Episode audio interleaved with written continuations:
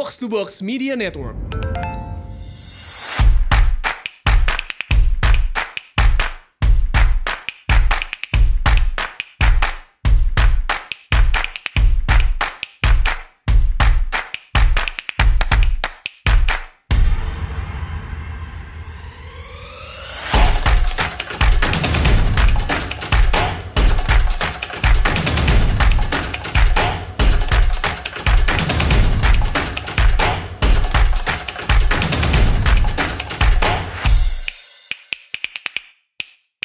Selamat datang di Asumsi Bersuara. Kali ini gue ditemani Edward Gani. Eh, ini sesuai popular demand ya. Kemarin banyak banget yang minta Edward Gani dong, Edward Gani dong gitu. Bohong banget. iya, jadi em, Ini pe- penipuan apa gimana? oh, enggak bener. Bohong bener. banget, gak Bener, percaya bener. gue. Bener banyak yang lihat em, si Gani ini di acara debat capres Asumsiko kemarin terus banyak yang kayak wah Gani dong, Gani dong diundang ya udah langsung kita undang saat itu juga kan akhirnya. Jadi Gani ini adalah em, kolumnis dan peneliti ya. Jadi lu banyak nulis kolom di media-media media-media besar lah ya, Kompas, Mayan lah, mayan lah. Tempo gitu ya. Oke, jadi kalau misal pengen lebih pengen tahu lagi Edward Gani ini siapa langsung Google aja. Edward Gani banyak kok eh, kolom-kolom media. Dan Edward Gani ini adalah seorang em, alumni London School of Economics. Yep. Em, jurusannya political economy. Le- panjangnya political science and political economy. Political Science and Political Economy. Dan Hmm. ini yang mau kita bahas hari ini sih. Jadi kalau dari kemarin kita hiruk pikuk pemilu kan udah heboh banget. Eh, kita nggak mau bahas terlalu deep into politik praktis yang lagi berlangsung. Hmm, Tapi hmm, mungkin lebih bisa lebih ini dikit lah, bisa lebih pinter dikit lah kita. gue pengen belajar sih sebenarnya teori-teori di, di balik itu. Kayak salah orang deh lo, gue gak begitu-begitu pinter juga. tuh. Enggak lu pinter banget Semua orang bilang gitu Nah jadi oke em, Political economics deh Political economy Oke, lah oke. ya Ah, ah, Em, ah. Mungkin em, lu bisa bantu kita mengerti dikit sih eh, Political economy itu apa Kenapa Oke. itu penting Kenapa kita Oke. perlu tahu lah konsep-konsep dasarnya gitu Sebenarnya nggak ada eh, definisi yang tunggal satu lagi, Hmm. karena namanya ilmu kan pasti banyak irisannya. Iya. Tapi kalau fokus kepada jurusan yang dulu gue ambil, Hmm. eh, yang menariknya adalah dulu itu gue daftar karena dia bilang kurikulumnya adalah quantified based political science. Oke Jadi yang pertama adalah kuantitatif. Yang kedua adalah math based. Oke Jadi memang political science ini dasarnya adalah eh, matematika dan karena political economy dia mengadaptasi berbagai teori-teori ekonomi dan juga metode-metode metode ekonomi. Seperti misalkan anak-anak ekonomi biasa ngomongin econometrics dan segala macamnya. Mm-mm. Nah, itu kan sebenarnya metode ya, metodologinya. Nah, itu diadaptasi dalam ilmu politik dan sebenarnya juga bukan baru, itu sudah lama gitu. Jadi ada pendekatan kalau dalam ilmu politik misalkan eh, rational choice, pilihan rasional Hmm. gitu.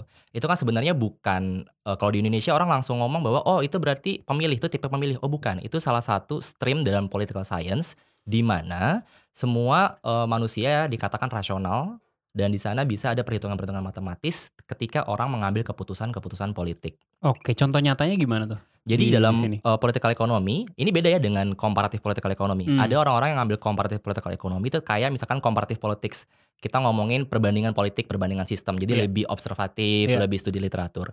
Sedangkan dalam political economy yang gue maksud ini adalah kita hanya mengadaptasi cara-cara perhitungan dalam ekonomi. Contoh, dalam uh, political economy yang gue maksud ini, kita terbiasa uh, menaruh kepentingan sebagai utility function. Kalau anak-anak ekonomi pasti biasa dengan itu kan. Oke Mungkin Kepuasan. lebih eh, bahasa lu mungkin perlu di, Oke, oke. diper ini nih Misalkan lu puas beli es krim Yes. lu untuk sesuatu gitu Iya. kan. Lu beli 5000 untuk apa? Iya. Nah, dalam politik juga seperti itu. Misalkan eh, lu milih seseorang Mm. karena lu pengen kepuasan lu adalah misalkan dapat sesuatu. Misalkan kebijakan. Oke Misalkan lu pilih Pak RT ini karena misalkan dia akan kasih lu susu setiap hari misalkan. Iya. Nah, lu pilih itu. Jadi kepuasan lu paling tinggi gitu. Nah, Ini rasional nggak rasionalnya maksudnya apa? Misalnya Nah. kalau gue milih karena dia em, satu kampus sama gue, maka Oke. gue rasional atau enggak? Jadi dalam political economy itu ada dua kriteria utamanya. Hmm. Itu ketika seseorang bisa membuat sebuah eh, analisis nggak usah analisis apa ya bisa mengurutkan kepentingan dia dari A sampai C misalkan. Mm, Contoh lu Rey, lu punya tiga pilihan. Iya. Ada warna biru, merah, putih.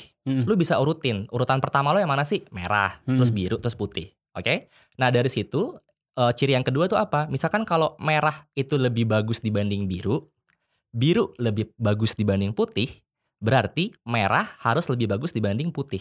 Iya. That's rational in mathematics kan. Betul. Nah, itu diadaptasi dalam ilmu politik. Nah, makanya dalam political economy yang base-nya itu adalah uh, rational choice, makanya teori-teori itu kayak game teori kalau Yeah. ilmu bisnis, nah Hmm. itu yang dipakai kayak gitu. Jadi kita sebenarnya kita nggak langsung pada uh, benda atau pilihan yang kita kita kulik. Misalkan kalau lu milihnya sedotan dibanding apa namanya sedotan plastik dibanding sedotan stainless misalkan Sedotan SJW itu. ya. SJW. Oh, ada namanya ya. Gue gue ketinggalan loh. Iya, ada di e-commerce oke. e-commerce gitu. Nah, misalkan kalau lu pilihnya stainless belum tentu rasional misalkan. Iya. Enggak, kita nggak main ke sana. Iya, kita iya. pokoknya mainnya cuma langsung, oke, sekarang lu uh, urutin. Lu pilih suka yang mana? Stainless, uh, plastik, sama misalkan bambu. Nah, dari situ lu bisa urutin, lu rasional. Tapi ada juga yang nggak bisa ngurutin. Kenapa? Ada juga yang A lebih lebih bagus dari Bisa. Ada juga orang merasa Bisa. misalnya gue lebih prefer A daripada B, Bisa. B daripada C, tapi C daripada A. Kalau yang kayak begitu, kalau misalkan A lebih bagus dibanding B, Hmm. B lebih bagus lebih bagus dibanding C, Hmm. C tapi lebih bagus dibanding A, itu namanya nggak rasional. Oke. Gitu. Ada batas matematisnya aja pokoknya. Di situ tadi yang gue bilang dua ciri khas itu aja. Oke. Tapi juga bisa A sama dengan B juga bisa kan? Oke. Sama Tapi kalau dalam dalam konteks di Indonesia ya, Ya. em, kan lu hanya bisa milih ya satu kan, lu nggak Hmm. bisa nggak bisa mengurutin kayak gitu kan. Ada di, ada negara-negara atau Mm, mm, mm. atau tempat-tempat di dunia yang mana lu eh, kalau misalnya punya tiga pilihan, Oke. lu bisa ngasih ranking pilihan pertama gua A, Hmm. pilihan kedua gue B, pilihan Hmm. ketiga gue C. Jadi kalau misalnya si A kalah, em, tinggal B sama C, suara gue jadi ke B gitu. Mm. Kalau di Indonesia kan nggak bisa. Di Indonesia kan hanya bisa pilih satu. Sebenarnya nggak juga sih, nggak nggak ada sistem apa namanya kalau kita ngomongin demokrasi elektoral ya. Hmm. Sebenarnya semua bisa kita ranking dong. Eh, bagaimanapun juga sistem politik itu kan meskipun ujung-ujungnya satu Iya. orang, itu kan Hmm. berarti kan preferensi utama dia. Iya. Nah preferensi utama dia itulah sebenarnya yang menjadi tujuan utama dia pengen milih gitu kan. Oke. Makanya ketika dia bisa ngeranking misalkan, lu ada ada tiga orang misalkan A, B, C. Gue lebih suka A dibanding B dibanding C. Tapi ketika A misalkan paling nggak bisa, misalkan kesempatan dia untuk lolos Iya. sangat kecil, oke? Mhm. Dan gue paling nggak suka C nih, Iya. ya kan? Nah ketika posisinya seperti itu gue bisa berekspektasi, wah mending gue pilih B Oke. dibanding C yang kepilih. Oke, ngerti ngerti ngerti ngerti. Konsepnya hanya untuk voting kah? atau ada kon- ada atau political economy ini kayak lebih Sebenarnya cakupannya sangat luas. Hmm. Yang paling eh, suka kita diskusikan memang pasti eh, masalah pemilu. Kenapa? Hmm. Karena itu kan masalah voting behavior segala macam. Tapi juga banyak misalkan di parlemen. Hmm, Kita kita ngomongin misalkan eh, veto points. Itu salah satu yang paling menarik dalam game iya. teori. veto points. Veto points misalkan ya. Untuk ambil kebijakan, kita perlu misalkan dukungan beberapa partai. Ya. Oke. Nah, perhitungan itu yang kita lihat. Misalkan eh, thresholdnya adalah kita butuh dukungan 5 partai. Gimana caranya kita berstrategi agar kita punya minimal 5. Hmm. Veto points mengatakan bahwa misalkan kalau ada partai-partai, dia tuh sangat pen- sangat penting suaranya. Kalau dia nggak dukung lo, lo nggak akan lolos. Iya. Kan sering tuh dalam dalam pengambilan keputusan di DPR, Iya. tiba-tiba ada yang walk out, tiba-tiba ada yang eh, kita lobby segala macam. Itu kan per- perhitungan-perhitungan rasional sebenarnya. Dan itu memang sebenarnya secara matematis bisa kita analisis. Misalkan juga kita ngomong perhitungan, gua mendingan masuk eh, menjadi peserta pemilu nggak sih? Oke. Nah, entry point itu menjadi salah satu perhitungan juga dalam political economy. Dalam kondisi apakah kita harus masuk dalam persaingan politik? Dalam kondisi apakah kita dikatakan tidak rasional untuk masuk ke? Dalam kondisi apa politik. tuh menjadi rasional buat orang-orang masuk ke politik? Kan banyak banget nih, Betul. orang- banyak ada caleg nih ada belasan ribu kan. Betul, betul, betul. Nah, mereka pada rasional atau enggak sih? Balik lagi tadi ke awal kan kita konsepnya adalah kepuasan ya. Iya. Nah, kepuasan dan kita bisa lihat kalau dalam game teori kita suka melihat ekspektasi kita lawan kita tuh akan melakukan apa gitu. Hmm. Misalkan lu sama gua nih. Hmm. Gua nih incumbent. Hmm. Lu nih bukan incumbent. Iya. Berarti kan eh, lu harus berekspektasikan apa yang akan gue lakukan. Iya. Ketika lu masuk, gua akan berekspektasi, oke kalau lu masuk biaya politiknya seperti apa. Hmm. Itu juga gue bisa ekspektasi, lu orang yang siap atau bukan sih sebenarnya? Hmm. Lu kira-kira bawa apa sih? Iya. Nah, hal-hal itulah yang kita eh, diskusikan dalam political economy. Seberapa besarkah beban politik seseorang untuk masuk dalam persaingan politik dan seberapa besarkah beban seseorang ketika dia ingin keluar dari persaingan politik. Jadi ini kayak lebih ke peluang aja ya maksud gue. Ya betul, Um, betul. iya. Memang political economy dan game teori semuanya kan tentang probabilitas. Ya, gue Nah, punya peluang berapa nih untuk betul. bisa bisa kepilih? Nah. Karena kalau gue nggak ada peluang, gue nggak rasional Betul. dong kalau gue mau masuk. Betul, betul. Nah, ini juga sebenarnya gue paham sih kenapa Indonesia tuh nggak banyak ngomongin hal-hal seperti dalam political eh, dalam political science. Terlalu berat kali. Bukan terlalu ya. pertama ini bener, jawaban lu bener. Terlalu berat karena orang ketika mau ngambil political science di luar negeri, terutama Hmm, US hmm, atau hmm. UK yang western uh, style political science, mereka langsung lihat ngapain gue belajar matematika? Hmm. Yang tadi gue bilang sejujurnya itu gue mesti ambil satu kelas matematik dulu loh seminggu gitu dalam artian. Jadi memang sebenarnya ada bukan brainwash tapi kayak emang lo mesti mulai dari awal untuk ketika lo berpikir rasional dalam matematis. Hmm. Tapi sebenarnya penting kenapa? Agar politik kita tuh juga bukan emosional doang dong. Dalam Hmm. artian kalau lu lu peneliti nih gitu. Tapi kalau lu hanya berbicara atau menganalisis dengan dengan sense of belonging terhadap masyarakat juga, Hmm. kan tidak ada pandangan-pandangan baru. Nah sebenarnya itu yang kenapa gue juga ngambil ke arah situ karena pengen ada pandangan-pandangan baru yang kira-kira bisa menambah perspektif political science di Indonesia yang kebanyakan tuh masih lebih kualitatif, lu lebih masalah emosional, pribadi dan segala macam. Oke. Tadi kan lu udah nyentuh ya bahwa em, biaya biaya yang diperlukan tuh kan gede Ya. karena eh, maka maka itu lu harus hitung bener-bener Hmm. peluang lu bagus apa enggak karena kalau peluang lu jelek lu buang-buang duit aja kan. Hmm, hmm, hmm. Terkait dengan biaya yang gede ini kan sebenarnya banyak juga dari em, calon-calon legislatif, calon-calon kepala daerah itu kan nggak mendanai dirinya sendiri kan. Betul. Jadi ada ada pihak lain lah gitu Hmm. yang mendanai katakanlah cukong-cukongnya atau kayak em, ya orang di belakangnya lah yang taruh duit di sini, taruh duit di sana. Itu juga juga menggunakan konsep serupa Betul. untuk me- untuk mendukung salah satu Hmm. atau atau rasional juga buat dia misalnya gue main di dua kaki, main Oke. di segala macam gitu Hmm. tuh itu dibahas juga di dibahas. Nah, tadi ada satu hal sebenarnya yang penting yang eh, tadi gue belum sebutin Hmm. dalam pendekatan ekonomi politik rasional choice. Kita sering ngebedain politisi jadi dua. Oke. Yang pertama itu adalah seat oriented, orang yang hanya lihat kursi pokoknya. Bagaimanapun juga tujuan gue adalah dapetin kursi. Iya. Oke. Hmm. Dan yang kedua itu adalah policy oriented. Iya. Orang yang memang dia pengen maju baik dia sebagai anggota DPR atau dia menjadi presiden, itu orientasinya itu policy. Dia pengen policy ini masuk. Jadi bisa Oke. jadi dia bahkan nggak usah dia yang duduk, tapi That's selama it. policy itu goal dia That's it. Iya. Nah, makanya dalam konteks itu mungkin teman-teman pernah dengar istilah-istilah median. Mm-mm. Median. Dalam dalam ilmu politik ketika kita milih itu kita banyak sekali digunakan teori median voters. Kenapa? Hmm, ya. Ketika lu semakin ke tengah, kemungkinan lu terpilih menjadi semakin besar. Itu sangat simple logik matematikanya karena lu bisa mengambil cakupan yang lebih banyak. Biasanya policy oriented politician itu dia nggak mau gerak dalam dalam garis ideologis dia. Dia nggak mau gerak dalam garis policy dia. Tapi kalau memang dia akhirnya pengen, dia misalkan lu sama gua nih, Iya. lu kayaknya bodoh amat lu, lu apa namanya seat oriented gitu. Hmm. Nah, gue policy oriented. Gue pandangan gue misalkan tengah kiri nih, Iya. ya, Mm-mm. tengah kiri nih. tengah kiri Tengah ya? kiri, Nggak kiri-kiri misalkan. banget. Nggak kiri-kiri Iya. banget, Oke, tengah oke. kiri Iya. lah. Ah. Jangan banget banget lah kita. Iya. misalkan, Iya. oke, misalkan. Nah, tapi gue lihat trade off gue. Kalau lu bergerak dengan policy semakin ke kiri semakin mendekati gue, toh Hmm. juga gue kan jadi beruntung juga. Iya. Bukan beruntung dalam artian gue juga nggak nggak kalah-kalah amat gitu loh. Hmm. Jadi kadang-kadang kalau kita juga mengukur itu, kadang-kadang juga tadi yang lu bilang ngapain juga gue nyalon Hmm. atau misalkan ya udah gue nggak usah masuk ke pertempuran kenapa? Karena ada orang-orang lain yang bisa masuk ke ideologi gue misalkan. Nggak usah ideologi dah kita kan Indonesia kayak malas gitu ngomong ideologi. Kita ngomongin policy dah misalkan policy, oke? Nah tapi ada juga yang bilang kalau oke policy lu sama gue itu beda jauh. Hmm. Misalkan kayak lu eh, center right, misalkan lu tengah kanan, Iya. gue center left. Hmm. Oke, nah trade off gua akan lebih bagus untuk apa? Semakin mendekat ke tengah, biar apa? Biar gue punya kesempatan yang lebih besar untuk terpilih, sehingga policy gua lah, kebijakan gua lah yang diambil nantinya. Oke. Ketimbang gue Oke. stay di tengah, eh Oke. di kiri tengah, tapi ntar lu yang kepilih karena lu yang justru yang makin ke tengah. Oke. Di situlah logika median berasal. Oke, tapi kalau gua ngelihat belakangan ya, Ya. kan kalau tadi lu bilang eh, emang gua ngelihat dari dari zaman dulu kebanyakan emang Ya, kayak gitu, lu betul. semua partai ke tengah, Ya. semua politisi ke tengah Ya. supaya lu bisa mengcapture sebanyak-banyaknya orang. Ya.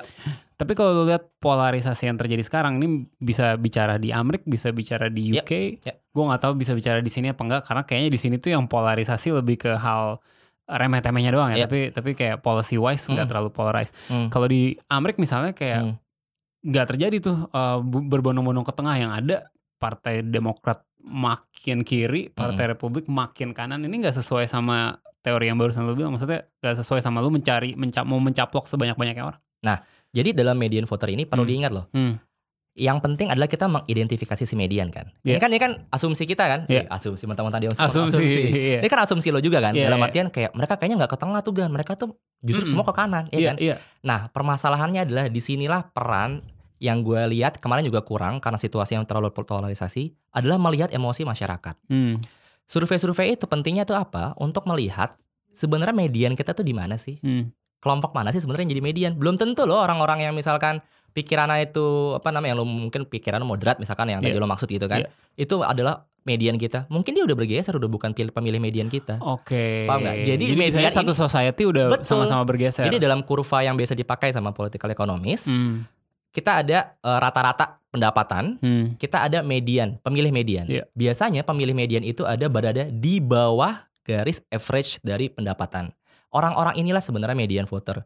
Kenapa? Karena dalam eh, hak memilih dalam dalam budaya demokrasi kita, dalam sejarah demokrasi di semua negara itu adalah memungkinkan orang-orang yang dengan pendapatan yang lebih rendah untuk memilih dan porsi mereka selalu lebih banyak. Hmm. Nah, bagaimana cara kita membaca emosi kelompok median ini? Hmm. Nah, itulah sebenarnya kuncinya ketika kita mau lebih rasional membaca situasi. Hmm. Makanya kemarin kan eh, salah satu kritik gua juga gue pernah presentasiin hasil studi gua itu tentang pilkada kemarin Ah, iya. di salah satu apa namanya think tank lah.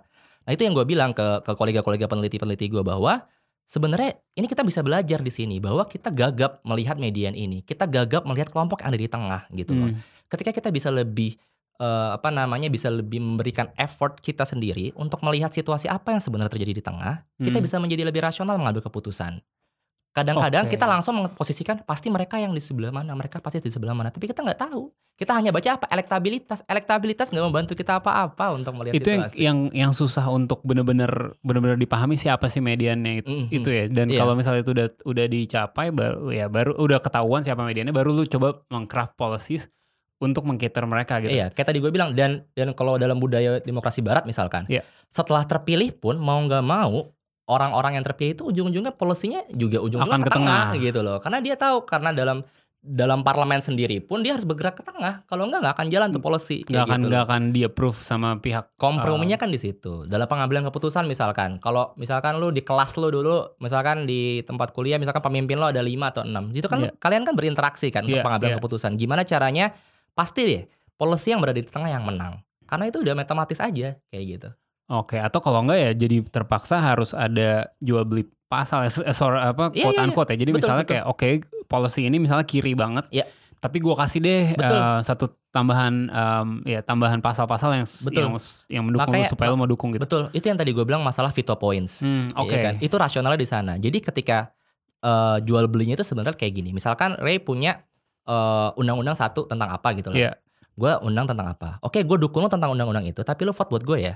Hmm, jadi kayak quid pro quo gitu ya. Iya, dan itu rasional sebenarnya. Kenapa? Kalau enggak nggak bisa jalan apalagi dalam pemerintahan yang formnya tuh koalisi Hmm, gitu, ya hmm. kan? Karena di di koalisi lu sendiri lu udah harus Betul. bikin ini kan apalagi dengan lawan gitu. Gue mau cerita satu hal. Iya. Itu adalah waktu itu ada undang-undang ITE. Mm-mm, Oke, Undang-undang ini ITE. seru nih. Oke, undang-undang ITE itu, jadi dulu tuh gue di eh, tempat kerja gue yang dulu kita bikin studi tentang undang-undang ITE. Kita judulnya adalah Unintended Consequences of ITT, ITE Law. Oke, gitu. Oke. Nah, kita melihat bahwa memang ternyata original intent, original intent apa ya bahasanya? Eh, tujuan Niat- utama, niat niatan awal, Hmm, dari undang-undang ITE itu apa? Untuk melindungi konsumen dan produsen. betul. Itu aja gitu. Iya. Kalau lo lihat apa studi-studinya itu dibikin sama Unpad sama UI kalau nggak salah. Iya. Itu semua tentang ekonomi, Bro. Itu Iya, semua iya, tentang iya, iya, iya. transaksi elektronik, Judulnya aja transaksi Iya. elektronik kan. electronic signature semuanya tentang itu Iya. gitu. Tapi ujung-ujungnya tau nggak? Itu baru muncul di DPR. Itu nggak muncul di naskah akademik, tiba-tiba ada di DPR ditambahin di pasal. Nah, itu pasti kan ada proses politik, ada veto point agar undang-undang itu bisa lolos. Benar, benar, benar. Maka maka si Gitu. pasal itu yang akhirnya sampai sekarang bermasalah. Betul. By the way, Asumsi bersuara pernah bikin episode tentang ini, jadi jangan lupa kalau abis nonton, abis dengerin podcast ini lu coba scroll ke atas dikit ya. Eh, kita gue dengerin dah. Iya, iya, iya, itu itu Iya, iya. pasal-pasal bermasalah kayak Betul, gitu betul, biasanya terjadi, biasanya adalah hasil jual beli. jual beli pasal. Jual beli, Oh, jual oke. beli. Udah, jual beli dalam artian belum tentu dibeli atau jual Iya, beneran maksudnya ya. Kayak tuker-tukeran, gitu. tuker-tuker barter lah. barter, barter. Tapi itu ya mau nggak mau itu kompromi dalam dalam parlemen. Ya kita makanya biasanya itu political economist kita mau jauh dari diskusi soal moral nih. Kita, Iya, iya, kita iya, diskusi iya. soal rasionalitas Iya, gitu kan, pengambilan keputusan. Iya. Nah, hal-hal seperti itu kan sebenarnya coba lu siapa sih yang yang ngomongin soal itu gitu Iya, bahwa rasionalitas itu terjadi langsung Men- perasaan. Menurut lu, menurut lu kayak gitu salah gak sih? Karena, karena gini eh, di Amrik nih, Iya. gue lagi kemarin baca-baca salah satu kandidat eh, Demokrat namanya Andrew Yang. Iya.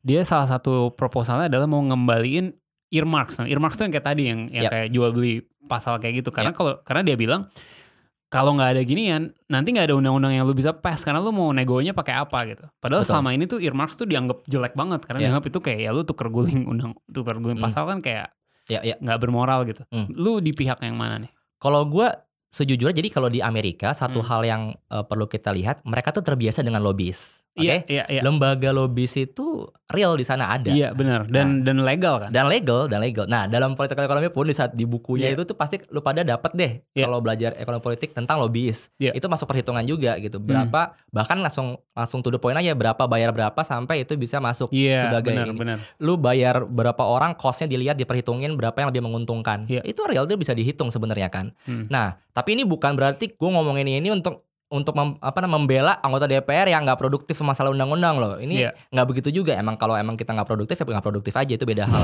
Eh, tentu loh itu Yang beda hal. bolos-bolos ya. Yang bolos mah bolos aja. Hmm. Cuman memang kalau gue lebih, leb- pada posisi gini, kalau memang lembaga lobis itu dibutuhkan dalam demokrasi, gue rasa dibutuhkan. Hmm. Kenapa? Karena perannya beda-beda.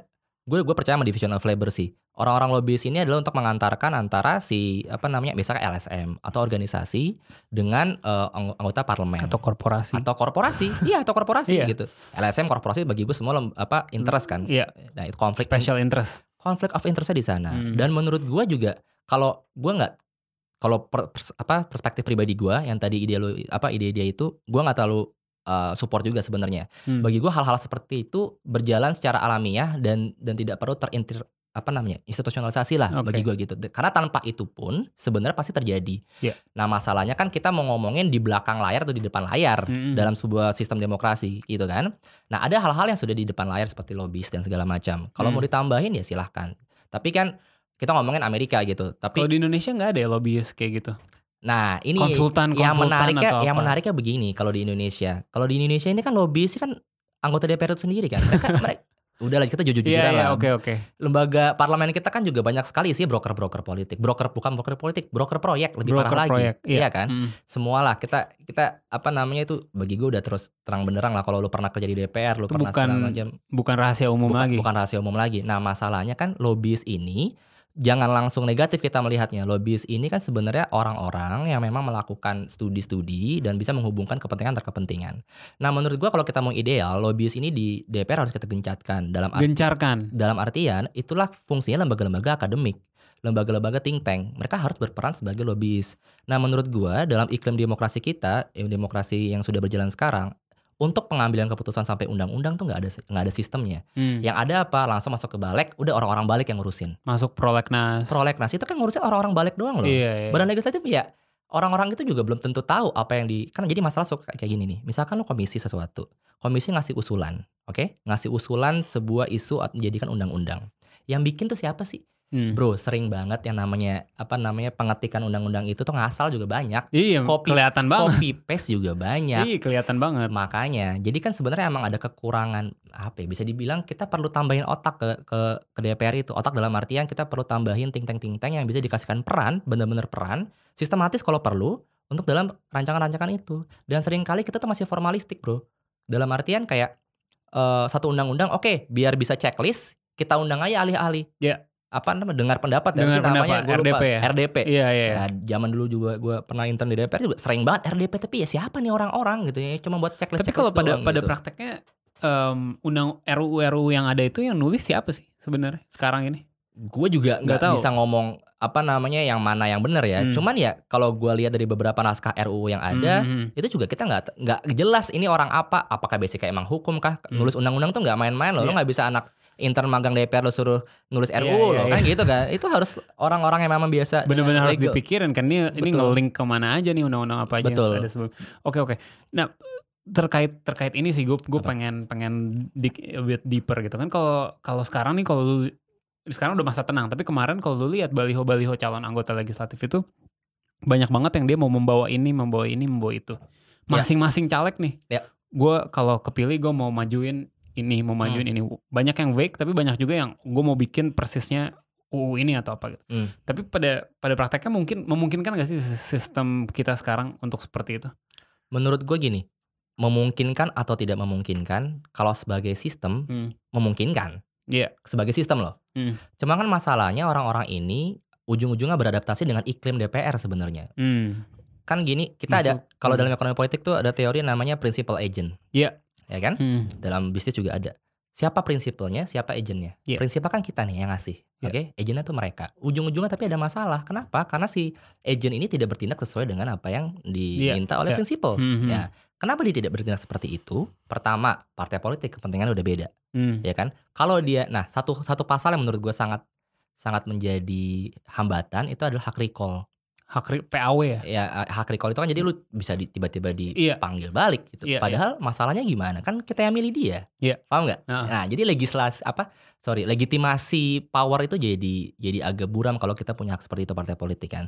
Dan kita juga nggak bisa apa pungkiri bahwa memang orang-orang yang idealis itu ketika masuk ke DPR dia pertama-tama harus berkompromi dengan partainya sendiri. Hmm. Karena dia punya karena partai politik kan punya fungsi itu tadi dia bisa menghukum dia bisa apa namanya em, mendisiplinkan calon apa sorry orang-orang anggota DPR-nya itu satu. Kedua dia perlu berkompromi dengan ko- komisinya sendiri juga. Hmm. Iya kan? Udah di komisinya juga akhirnya dia harus berkompromi dengan semua anggota DPR Iya. gitu. Akhirnya apa? Yang muncul tuh adalah ya sering kali nih undang-undang yang biasanya mencakup dengan eh, interest yang sangat luas Apakah itu misalkan undang-undang soal yang eh, DPR, MPR, sampai apa namanya? MD3, MD3. ya? MD3. Itu Iya. kan berapa kali direvisi? Kenapa? Karena itu paling penting bagi mereka. Iya kan? Kayak mereka nggak pentingin yang lain, mereka yang paling yang penting diri sendiri. Karena yang lain kompromi terlalu banyak. Hmm. Nah, itu yang menurut gua perlu kita pecahkan sih. Gimana caranya agar orang-orang yang memang punya isu, yang punya apa namanya eh, rancangan undang-undang yang pengen dibawa gitu ya, yang dari akar rumput tuh bisa bisa Bisa terkoordinir, atas. terkoordinir. Dan dukungan di situlah dukungan organisasi di luar seperti akademik atau LSM untuk mensupport. Hmm. Kenapa misalkan eh, undang-undang yang banyak supportnya misalkan untuk upah minimum segala macam Hmm. peraturan-peraturan itu lebih banyak advokasi. Kenapa? Karena memang ada dorongan dari luar kan. Iya. Kita perlu dorongan-dorongan dari luar. Dan misalkan contoh seperti eh, RUU permusikan kemarin itu kan Iya. kalau nggak ada dorongan dari masyarakat juga nggak ada.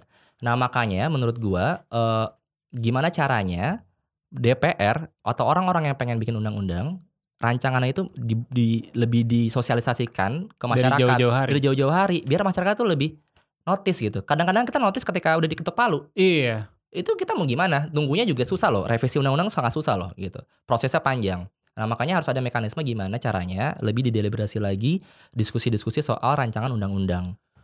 Oke oke oke oke. Wah menarik banget. Ada ada ada kasus lain lagi nggak bro di Indonesia ini atau apa yang em, yang aplikasi dari political economy concepts nih? Nah, kalau ini, ini gue pengen ngomongin konsep political ekonomi tapi bukan isu ekonomi. Oke. Ini kan tadi gue bilang ini kita metodologi. Ya. Contoh mengenai RUU eh, pesantren dan lembaga keagamaan, apa pendidikan keagamaan. Ya. Ada yang tahu nggak tuh? Ada yang pernah dengar nggak? Nggak pernah. Jadi tuh kemarin cukup hangat gitu. Oke. Gue salah satu yang pengkritik. Kenapa?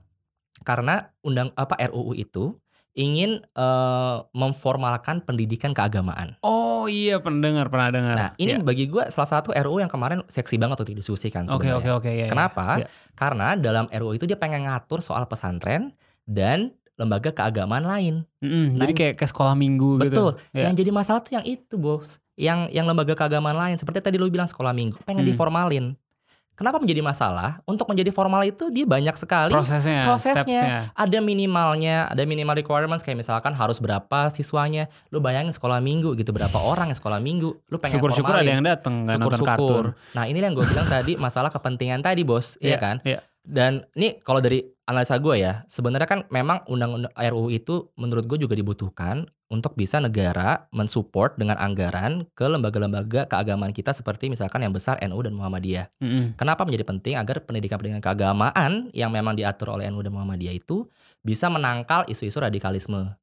Bisa Oke. menangkal pendidikan-pendidikan yang tidak apa namanya tidak sesuai dengan arah Pancasila misalkan seperti itu Mm-mm. ada intensi politik yang bagus menurut gue positif, oke.